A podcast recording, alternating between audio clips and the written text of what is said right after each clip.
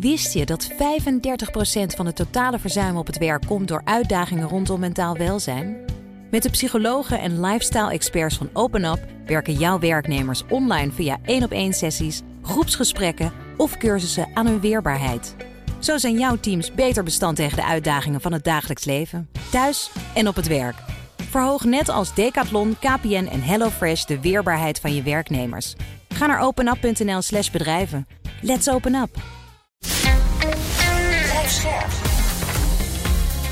BNR Nieuwsradio. Boekenstein en de Wijk. Hugo Reitsma. Dit is een extra uitzending van Boekenstein en de Wijk in verband met de oorlog in Oekraïne en de crisis met Rusland. Het is maandag, dag 334 van de invasie. En de tanksaga continues, hè? Ja. Ja, jongens, wat moeten we erover zeggen? Uh, uh, interessant is dus dat Scholz uh, niet heeft ingestemd eh, met het zenden van Duitse tanks naar Oekraïne. Ik kan me het ook wel voorstellen hoor. Ehm, die, die Duitsers, gezien hun geschiedenis, uh, die hebben er natuurlijk echt ontzettend veel op tegen dat er uh, Duitse tanks worden ingezet tegen Rusland. Uh, realiseer je ook dat er heel veel pro-Russische sentimenten zijn in Duitsland. Dus aan alle kanten, ja. van de oorlog tot de pro-Russische sentimenten, zit, dat, zit dat fout. Dus dat ze even daar de tijd voor nemen, kan ik me wel voorstellen. Ja, dit geldt dan voor, voor Scholz en de SPD, ja. maar de Groenen zitten er duidelijk anders in, hè? Ja, maar de Groenen hebben ook, uh, weet je, eigenlijk heeft Scholz een vijf partijen coalitie waar die rekening mee moeten houden. FDP, STP en Groenen, dat zijn er drie. Maar zowel de Groenen als de SP hebben ook nog een pacifistische vleugel. Hmm. En dat moet allemaal gemasseerd worden. En we noemden ook de percentages. Nu zijn dus 46% van de Duitsers voor levering. En maar 44% tegen. Dus het is dicht heel gevoelig.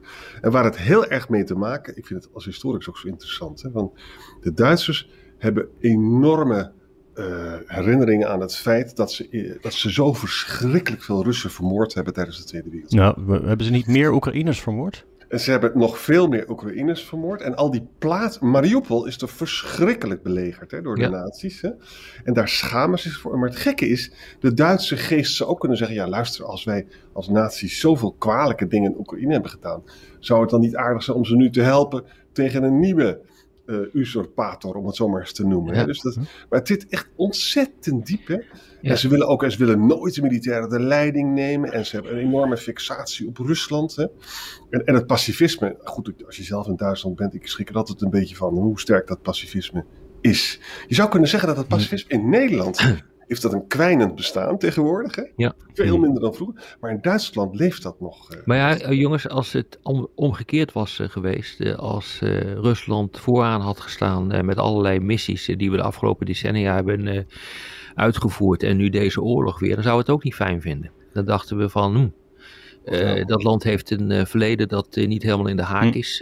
en moet je eens kijken wat ze nu aan het doen zijn. Ze willen overal erop losslaan. Hè, dan moet je, dat moet je ook even in, in gedachten houden hoor. Kijk, hm. en het komt natuurlijk op het moment ja, dat, die, dat die leveringen echt gewoon zo groot worden dat er eigenlijk boven het leven van tanks alleen nog maar jachtvliegtuigen komen. En de volgende stap is dat uh, Zelensky natuurlijk gaat vragen om grondtroepen. Dat kan niet, aan, niet anders aan de NAVO-land. Ik bedoel, want veel meer is er niet meer. Uh, dus, en je ziet ook wat er in Rusland gebeurt. Hè. Die oorlog wordt steeds meer als existentieel voor voor, uh, voor Rusland beschouwd. we zien op dit ogenblik dat er berichten zijn dat luchtverdediging op het dak van het ministerie van Defensie in ja. Moskou wordt geplaatst, maar ja. ook elders. Ja, het huis van Poetin. Of waar is of niet hoor, het maakt gewoon allemaal niet uit. Maar alleen dat die discussies, hm. dat, dat leidt ertoe dat je kunt veronderstellen dat er ook in Rusland echt iets aan het veranderen is, ook naar de eigen bevolking. En dat zie je ook hoor op de Russische televisie, waarbij wordt gezegd, ja, uh, die, die, die, die NAVO die probeert ons een kopje kleiner te maken en we zullen ons wel moeten verdedigen. Hm. Ja. Maar Rob, even, politiek hm. is, is intrinsiek uh, dilematisch. Hè? Alles doet pijn. Hè? Ja. Stel je nou eens voor dat er te weinig uh, tanks en te laat komen. En stel je nou eens voor dat Kiev toch valt. Dan, gaat, wordt, dan wordt die Zwarte Pietkaart wordt heel erg bij Duitsland neer. Absoluut, absoluut. Die wordt gewoon verantwoordelijk dan voor het uh, verlies ja. van de oorlog door Oekraïne. Nou, dat zal Scholz nooit op zijn geweten willen hebben. Nooit. Dus hij gaat gewoon leveren. Ik bedoel, dat kan bijna niet anders. Dit argument is zo sterk dat ook al is een meerderheid van de bevolking niet voor, dan moet hij het gewoon gaan doen. Ja, ja. ja, maar de manier waarop het in Duitsland gaat is echt tenenkrommend. Hè? Beerbok zei zondagavond, nou, als Polen dat wil doen, dan zullen we dat waarschijnlijk niet tegenhouden. Hè? Niet onbelangrijk hoor, uh, Arend Jan, dat is niet onbelangrijk. Dat maar, vanmorgen, maar vanmorgen krabbelde Beerbok terug. Toen heeft ze, wilde ze het niet herhalen in Brussel bij de ministers van Buitenlandse Zaken. En toen kwam er een hogere ambtenaar van Defensie die zei van... nou, Polen heeft nog niet eens een verzoek ingediend. En we moeten wel even keurig de regeltjes volgen. Het verschuift gewoon. Het is aan het schuiven. Ja, Dus, nou. Het laatste wat ik zag van uh, eh, DPA was dat premier Morawiecki heeft gezegd: wij gaan Duitsland die toestemming vragen. Dus die, uh, die vraag komt daarvoor te liggen in Berlijn. Ja, ze willen niet de hele, Europa, uh, de hele Europese samenwerking in de NAVO op, op stel te zetten. Hmm. dat dat wil je dus gewoon niet doen. En daarvoor heeft Polen gezegd: wij kunnen ook met een aantal kleinere landen gewoon in actie komen. We hebben geen toestemming van Duitsland nodig. Ja. Ja. Zover was het al gegaan. Hey, van de Europese samenwerking naar die uh, specifiek tussen Frankrijk en Duitsland. Hè? Want dit weekend was de feestelijke viering van 60 jaar het Élysée-verdrag. Het vriendschapsverdrag na de oorlog tussen Frankrijk en Duitsland. Hoe staat het met die betrekkingen? Nou, het is allemaal niet niks. Want het Élysée-verdrag van 1963 moet er toch eventjes bij stilstaan. Hè? Je moet je dus voorstellen, 60 jaar geleden is dat nu. En op dat moment kust de Gaulle die was 72 jaar, kust Adenauer, 87 jaar oud. Adenauer, de goede Duitse, weet je wel, die in het, uh, in het verzet uh, had gezeten. Dat waren dus de aardsvijanden, Frankrijk en Duitsland, die uh, verzoening. Nou, wat gebeurde daar? En dan kunnen we kijken naar hoe het nu is. Hè? Adenauer wilde dus Duitsland verankeren in het Westen. Hm. Hè? De Westbindung. En daarvoor was verzoening met de aardsvijand Frankrijk nodig. De Gaulle wilde voorkomen dat Duitsland samen met Engeland en Amerika zich tegen Frankrijk zou keren. Dus van het begin af aan is het een machtspolitieke overweging geworden. Hè? Mhm. Uh, en je moet ook goed bedenken dat uiteindelijk in de, in de, toen uh, een week eerder had de Gaulle dus dat Britse lidmaatschap van de EEG gevetood. Tot grote woede van John F. Kennedy. En die was zo boos dat hij in het Elysée-verdrag nog een preambule heeft opgenomen van deze, dit Frans-Duitse vriendschapsverdrag zal niet de NAVO-samenwerking ondermijnen. En daar hm. was de Gaulle weer vreselijk boos over. Hè? Dus met andere woorden, het is van het begin af aan is het moeilijk geweest. Hm. Nou, wat kan je daarover zeggen? Je kan natuurlijk over zeggen dat Schmid, Giscard d'Estaing, hè, die waren natuurlijk zeer eh, goed met elkaar bevriend. Kohl en Mitterrand, weet je nog, die in 1984 Verdun met die prachtige foto's, echt heel indrukwekkend. Merkel, Sarkozy, dat werd Merkozy tijdens die eurocrisis, weet je nog. Ja. Nou, Merkel, Macron was heel moeilijk in het begin hoor. Dat is echt heel moeilijk. En Merkel zei letterlijk van ja, ik heb geen zin, uh, Macron, om steeds maar weer het, theeservies te lijmen voordat we thee kunnen drinken. en nu hebben we dus Macron-Scholz. Nou, dat, we hebben dat uitgebreid behandeld, heel kort. Uh, hij is alleen naar China gegaan. Hij heeft Amerikaanse wapens gekocht. Ja. En het is dus wel heel duidelijk zo dat Macron is flamboyant, met, is zo'n diepe intellectueel en ook grote redenvoeringen. En Scholz is ook absoluut niet dom. Maar een, dat is een Scholzomat, dat is een automaat. Hè? En, en, die, en, die, wacht ook op dingen. En weet je wat zo leuk is? Als ze met elkaar praten, hè? en dan zegt dus Macron, ons, ons arrange avec l'anglais. Die jongens spreken in het Engels met elkaar. Macron spreekt vloeiend Engels en Scholz ook wel. Hm. En vroeger was het zo, het aantal Fransen dat Duits spreekt en, en vice versa, dat daalt al uh, jarenlang. Hm. Dus, dus ze, ze, spreken gewoon het Engels met elkaar. Grappig, hè? Ja. ja. Ja. maar goed, ik bedoel, het ging natuurlijk uh, meer dan alleen over defensiesamenwerking, hè, wat daar uh, gebeurde. Uh, die roemruchte Inflation Reduction Act, ja. waarbij de Amerikanen eigenlijk een eigen industrie, maar ook een eigen consumenten kunnen bevoordelen met grote subsidies, waardoor het weg wordt getrokken. De bedrijvigheid uit Europa, althans dat is de angst, werd daar natuurlijk gesproken. Die Fransen hebben nog een akkefietje met uh, met uh, de Duitsers. Omdat uh, Scholz natuurlijk geprobeerd heeft om met 200 miljard euro een steunpakket op te lopen ja. voor degene die wordt getroffen door de energiecrisis. dat is ook niet heel fijn. het dus speelveld is weg. Hè? Ja, dat is, ja, exact. Dus dat speelt ook. Een, speelt ook. maar goed, ik bedoel, het is ook wel heel positief, denk ik hoor, wat daar gebeurt. Het versterken van de defensieindustrie, toch wel gezamenlijk optrekken nu uh, in die strijd tussen aanleidingstekens tekens tussen Europa en Amerika. Ook heel erg interessant, het heeft ook alles te maken met de grote energietransitie die we voor de boeg hebben. pijpleiding wordt geopend voor, de, hm. voor het transport van waterstofgas van Barcelona naar Marseille. En dat gaat dan door naar Duitsland. Dus dat is denk ik ook heel goed dat dat gebeurt. Dus je ziet wel dat er een een paar hele grote besluiten worden genomen. Alleen ja, die tanks, die komen er niet. Althans, niet morgen. Nee. Als we dan de blik even verleggen naar de Russen, want die, daar is ook een beetje gerommel onderling. Hè? Ja, iedereen rotsoort op dit ogenblik. Het is wel echt interessant hoor, eh, hoe dat uh, op dit ogenblik aan het uh, verlopen is. Nu heeft er weer de zoveelste wisseling van de wacht uh, plaatsgevonden ja. tussen de generaals. De ene kolonel-generaal Teplinski, dat is een, zeg maar een pro-Wagner-generaal. In, in, het, in, in Moskou. Die van wordt de luchtlandingstroepen. Ja, ik, van de luchtlandingstroepen. En die wordt nu vervangen door luitenant-generaal Makarewicz.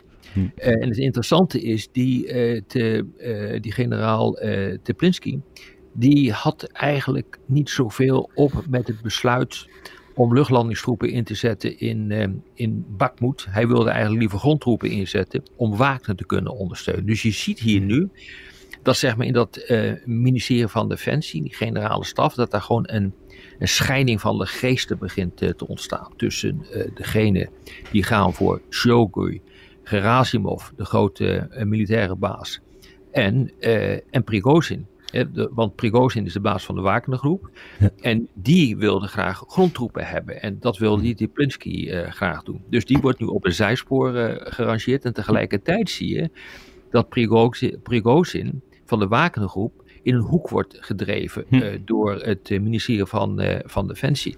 En ja, er wordt gewoon helemaal geen acht aan hem besteed. Als het gaat om de verovering van uh, dorpjes rond Bachmoed, dan wordt die niet eens genoemd. Um, En nu zie je dus ook dat het, de verovering van Bachmoed niet het overweldigende succes wordt wat Prigozhin heeft voorspeld. En dat wordt nu echt gebruikt om hem feitelijk gewoon ja, te ontdoen van de, enorme macht die hij heeft. Hm, hm. Dat is echt interessant. Dus die strijd gaat door. Het is alleen maar en Prigozhin, en slaat ook terug, hè, gewoon in het openbaar. Ja. Kerasimov komt met allemaal disciplinerende maatregelen. En moet gewoon, mensen moeten netjes een uniform dragen, geen burgerkleding. Je moet niet zomaar met je mobiele telefoon bellen natuurlijk. En je haardracht, en je moet netjes geschoren zijn. Nou ja, dat, dat, Is, dat is voor, interessant genoeg, uh, dat is zo. Dat zijn de nieuwe richtlijnen van het ministerie van Defensie, dat je geschoren moet zijn. Uh, maar het punt is, dat wordt vooral door Kadirov, die krijgsheer, wordt dat opgepakt. Want die zegt, ja, een, een, een, een baard, dat doen moslimmilitairen. Ja, ja, ja. ja, en, uh, en die verdedig ik. En die is nu bezig, en dat is echt belangrijk hoor, in dit uh, geheel. Die is nu bezig om die strijd uh, in Oekraïne ook in religieuze termen ja, te, te, te, te, ja, te verklaren. En, ja. en zegt, ja, wij voeren een heilige oorlog in Oekraïne. Nou, hoe dat dan in elkaar zit. Ik bedoel, ja, je, je moet dit, deze gedachtenkronkels moet je allemaal maar gewoon voor lief nemen en volgen. En mm -hmm. het is eigenlijk gewoon allemaal flauwekul. Maar wat je dus ziet, is dat er drie facties zijn. Dat is de factie ja. Kadyrov, de Tsjetsjenen. De, uh, Prigozhin. Prigozhin, dat is het, uh, ja. het particuliere leger, die eigenlijk hopeloos probeert om geaccepteerd te worden in, uh, in, in uh, Moskou en dus ook een, een onafhankelijke machtsfactor te worden. Ja. En de Gerasimov Club van de oude conservatieven. Nou, ik denk, weet je, dit is echt in het voordeel van Oekraïne hoor.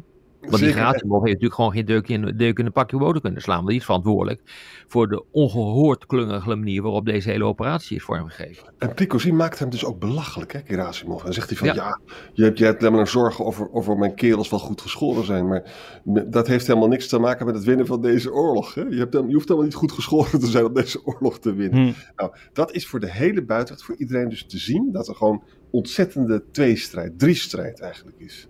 En dat is alleen maar heel goed nieuws voor Oekraïne, lijkt mij. Jullie hadden iets over postbusbommen. Je moet het maar even vertellen, want ik had dat een beetje gemist. Ja, nou ja, er is natuurlijk een enorme uh, gedoe geweest in Spanje. Uh, ja. Waar zes uh, briefbommen zijn, zijn afgeleverd bij bijvoorbeeld het bureau van de minister-president, van ja. de ambassadeur, ambassade van de Verenigde Staten, het ministerie van Defensie. Dit was een tijdje terug al, hè? een tijdje, daar komt ja. nu naar, naar, naar voren dat daar gewoon directe connecties zijn met uh, eigenlijk hele radicale, nationalistische, uh, extreem conservatieve, religieuze organisaties, waaronder de Russische keizerlijke beweging. Ja, ik bedoel, uh, vergeet me dat, maar dit soort termen wat slaan eigenlijk gewoon helemaal nergens op. Maar dat is een organisatie die voldoet aan al die kenmerken die ik net heb gezegd. En die zou daar een rol in hebben gespeeld. die, dat is een soort zetbaas in het buitenland, naar het schijnt van de GRU. GRU, dat is het, uh, het team van de militaire inlichtingendienst van Duitsland en de FSB, de inlichtingendienst. dat is wel echt wel interessant hoor. Die club is ook door de Amerikanen een tijdje geleden op de lijst van terroristische organisaties gezet. Hè? Dus dit is nou echt een voorbeeld van hybride oorlogsvoering. Hm. Hè? Dus een oorlogvoering om onrust te stoken in een land door middel van aanslagen, door middel van desinformatieoperaties. Dit is echt een perfect voorbeeld van als waar is. En ik hm. neem aan dat dit waar is. Ja, ze, hebben dus, ze, hebben dus, ja, ze hebben dus contacten met een militante groep in Spanje. En dat kan ook heel goed, want net zoals in Nederland zijn er ook in Spanje dus rechtsextremisten. En die vinden dus Poetin goed, want die is conservatief en hij is ook christelijk. En dat komt hen allemaal prima uit. Want zij vinden dat, dat wij hier door allemaal woke mensen kapot worden gemaakt. Hè? Mhm. Dus het is ook mogelijk voor die Russische agenten om gewoon ergens binnen te komen bij rechtsextremisten. Dat zou dus ook in Nederland kunnen gebeuren. Ja, je ziet dus dat uh, die, uh, die, die, uh, die Russische imperiale beweging, die keizerlijke beweging, die heeft echt zijn vertakking in alle landen. dat gaat echt gewoon door naar. nou, Nederland ben ik er overigens niet tegengekomen. Dat kan natuurlijk best het geval zijn. Maar in Duitsland, in Zweden, in. nou, ga zo maar door. Eigenlijk in heel Europa zie je dat zij connecties hebben met hele radicale pro-Russische uh, bewegingen. Uh, die democratie afzweren, uh, die uitgaan White supremacy, hè? White exact, supremacy. exact. Al dat soort dingen. En bijna in alle landen zijn er tegenhangers van, dit bewegingen, van deze beweging. En soms zijn dat gewoon ja, politieke partijen. Ja, ja. Hey, en als we het dan hebben over Russen die hier uh, mogelijk kunnen rotzooien, misschien dan toch nog eventjes naar de Patriot-discussie, want daar speelde jij ook die rol uh, weer op, tot dankbaarheid van velen, die erop te wijzen dat we natuurlijk hier ook nog wat uh, wapens ter defensie nodig hebben, waar bij defensie nogal kribbig op werd gereageerd. Ja, dat mag je wel zeggen. Ja, ja ik was een soort losgelagen kanon. Uh, dat is wel rechtgezet hoor, moet ik zeggen. Ik bedoel, ik heb uh, heel vriendelijk uh, van Defensie gehoord dat dit niet echt de bedoeling was. En het aardige is dat ehm, als je nu de brief van Ollegren leest, die trouwens ook door Wopke Hoekstra is ondertekend aan de Kamer. En die is afgelopen vrijdag is hij de bus uit de bus, in de bus gevallen bij, bij het parlement. Dan moet je zeggen dat wat ik heb gezegd daarover. Ik heb gezegd van ja, als je de Oekraïners wil steunen met Patriots, dan is het wel verstandig om in ieder geval nog wat achter te houden voor het geval dat Nederland zelf bestookt wordt, want die oorlog kan escaleren. Dat hm. is gewoon ook echt de boodschap uh, die Ollegren uh, en Hoekstra nu hebben gegeven in die brief. Dus dat was ik, ik was daar heel erg content mee, omdat in ieder geval, ja, die boodschap, ik bedoel, ik ben er in ieder geval verantwoordelijk voor, voor zoals dat op papier staat, maar dat is wel in lijn uh, met, met wat ik heb gezegd. Uh, dat is een aloude wijsheid uh, bij defensieplanners. Als je wat doet in het buitenland, moet je altijd rekening houden met de problemen die het kan opleveren voor je eigen grondgebied. Kijk, ik, ik ben bij die discussie heel, heel lang geleden betrokken geweest toen Nederland, en toen zat ik zelf bij Defensie, toen Nederland bijdrage ging leveren aan wat er allemaal in het Midden-Oosten gebeurt. En dat hield verband met Irak. En toen speelde dat gewoon. dan, beginnen, dan praten we over het begin van de jaren negentig. En ik kan me nog herinneren dat we toen ook Irakezen wel buitengewoon veel belangstelling hadden voor de haven van Rotterdam. Dus dat heeft uh, echt een schok veroorzaakt. Dat is, uiteindelijk is dat ook in die tijd, begin jaren 90, in de verschillende defensienotas terechtgekomen. Nou ja, kijk, die wijsheid is niet, niet veranderd. Het is gewoon staand beleid bij uh, Defensie. Om als je levert, je ook uh, rekenschap moet geven aan de uh, aan de gevaren die dat kan opleveren voor je eigen bondgenootschap. Dus als je wat ja. Patriots hebt, dan moet je ze niet allemaal wegsturen, maar dan moet je er ook wat uh, houden. En dat is nou precies wat er gebeurt. Er gaan, ja. er gaan twee, uh, twee afvuurinrichtingen gaan die kant op met raketten. Wordt getraind. Dus dit is wel prudent beleid, moet ik zeggen. Ja. Overigens ander beleid dan uh, Estland, waarvan ik las uh, dat die vandaag, of nee, dat die berichten kwamen uit Oekraïne. Die zeiden dat Estland al zijn 155 mm houwitsers aan Oekraïne heeft geleverd. Dus ze hebben ja, niks meer is, over. Dat is, dat is heel erg merkwaardig. Want dat betekent namelijk dat wij, Nederland, Duitsland, Amerika, dat moeten overnemen als dat, als dat land wordt aangevallen. En dat kan natuurlijk. En naarmate je, dit is, ja, dat is een ijzeren wetmatigheid. Hoe meer je weggeeft, hoe kwetsbaarder je zelf wordt. En hoe meer je gaat steunen op andere landen. En dat, en dat, dat zijn. Ik, ik, ik, vind dat, ik vind het echt te ver gaan wat, uh, wat hier gebeurt. En wat Estland en Letland ook vandaag ook gedaan hebben, is dat ze hun diplomatieke betrekkingen met Rusland hebben teruggeschroefd. Hm. hm. En, en overigens, Rusland heeft zelf ook de envoy eh, weggestuurd. Hè. Niet goed is dat. Is nee, dat is, nee, je moet gewoon blijven praten. Er wordt wel gesproken hè, op de achtergrond. Laten we daar. Uh, duidelijk over zijn. Uh, de, de Amerikanen die praten nog steeds met, uh, met de Russen, geven ook via Burns, de CIA-directeur, uh, bepaalde berichten door aan de Russen van gaat bepaalde rode lijnen niet over. er wordt gesproken in verband met die, wapen, met die graantransporten, dat gebeurt allemaal. dus ik bedoel, de, de diplomatieke contacten zijn niet helemaal opgedroogd, maar ik moet hmm. zeggen dat de Balten die gaan wel ruig te keer hoor, wat dat betreft. Ja. Ja. Hm. jij had voor ons nog een literair blokje? Ja, ik heb een literair blokje, daar hou ik van. er staat een geweldig stuk in de New York Times over een Zwitsers-Italiaanse schrijver met de prachtige naam Giuliano da Empoli. Hij heeft al twintig boeken geschreven. Was ook uh, woordvoerder van ministeries in Italië, kent maar zo. Nou, hij heeft een boek geschreven dat heet Le Mage du Kremlin. dus de tovenaar van het Kremlin. Heel positief over Poetin. Nou, waarom is dat nou zo'n uh, toestand in Frankrijk geworden? Kijk, in Frankrijk, als je een schrijver bent, dan heb je toegang tot alle talkshows. Hè? Ze vinden intellectuelen belangrijk. Dat is sinds Emile Zola is dat eigenlijk zo. is heel anders dan, dan in Nederland. Hè? Nou, hij is gelijk ook is hij gaan lunchen met Macron. En, en waarom is het allemaal zo gevoelig? Omdat Macron zei ooit: verneder Rusland niet. Wat, wat ik trouwens vind dat Macron daar gelijk in heeft. Dat moet je nooit uh, doen. Hè? Nou, met andere woorden, er zijn natuurlijk landen genoeg die vinden dat Frankrijk te veel naar Rusland kijkt. En nu is er dus een roman verschenen dat helemaal kruipt in het hoofd van Poetin. Mhm. En daar ook positieve dingen zegt over Poetin. Poetin ergt zich aan de westerse decadentie. Wat trouwens helemaal niet zo'n gek idee is van Poetin. En, uh, en, Amerika heeft alleen maar als doel Rusland op de knieën te krijgen. Dus hier zien we dus dat zo'n cultureel product, een roman, dus ook de achterdocht naar Frankrijk, dat toch altijd ook naar Rusland kijkt, hè, versterkt. Hè? Nou, hm. hoe komt dat nou? Waarom Aro, weet je, die oude Franse minister bij de VN, waar ik een groot fan van ben, die, die legt uit, Frankrijk heeft een fascinatie met Rusland. En dat wordt aangezengeld door een gedeelde geschiedenis van revoluties, hè, Russische en Franse, hm. van empire, hadden ze natuurlijk alle twee, en ook door culturele meesterwerken waar ze heel trots op zijn. De Russische bibliotheek is natuurlijk ongelooflijk, de componisten ook. En ik, ik vond het leuk om dit te vertellen. Oh ja, en de verteller van dat boek van die, mhm. is meneer Vladislav Surkov, waar ik zelf ook enorm door gevallen. Dat is namelijk de spindokter van Poetin.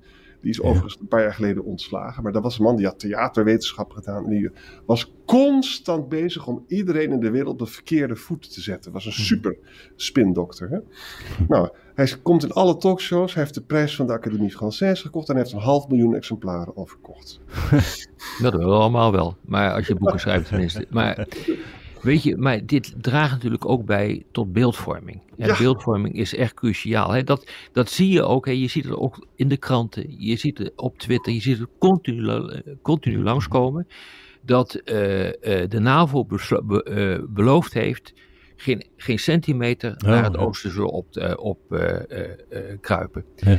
Ehm, daar is inderdaad over gesproken bij verschillende ehm, uh, gelegenheden, maar er wordt over van alles en nog wat uh, gesproken. En het is, mhm. in de diplomatie is het vrij simpel. Als het niet op papier staat, er staan geen handtekeningen onder, staat niet in de communiqué, dan is het gewoon niet zo. Er wordt echt mm -hmm. over alles gesproken. Ik, ben, ik, heb daar zo vaak bij gezeten bij dat soort uh, discussies overal in de wereld.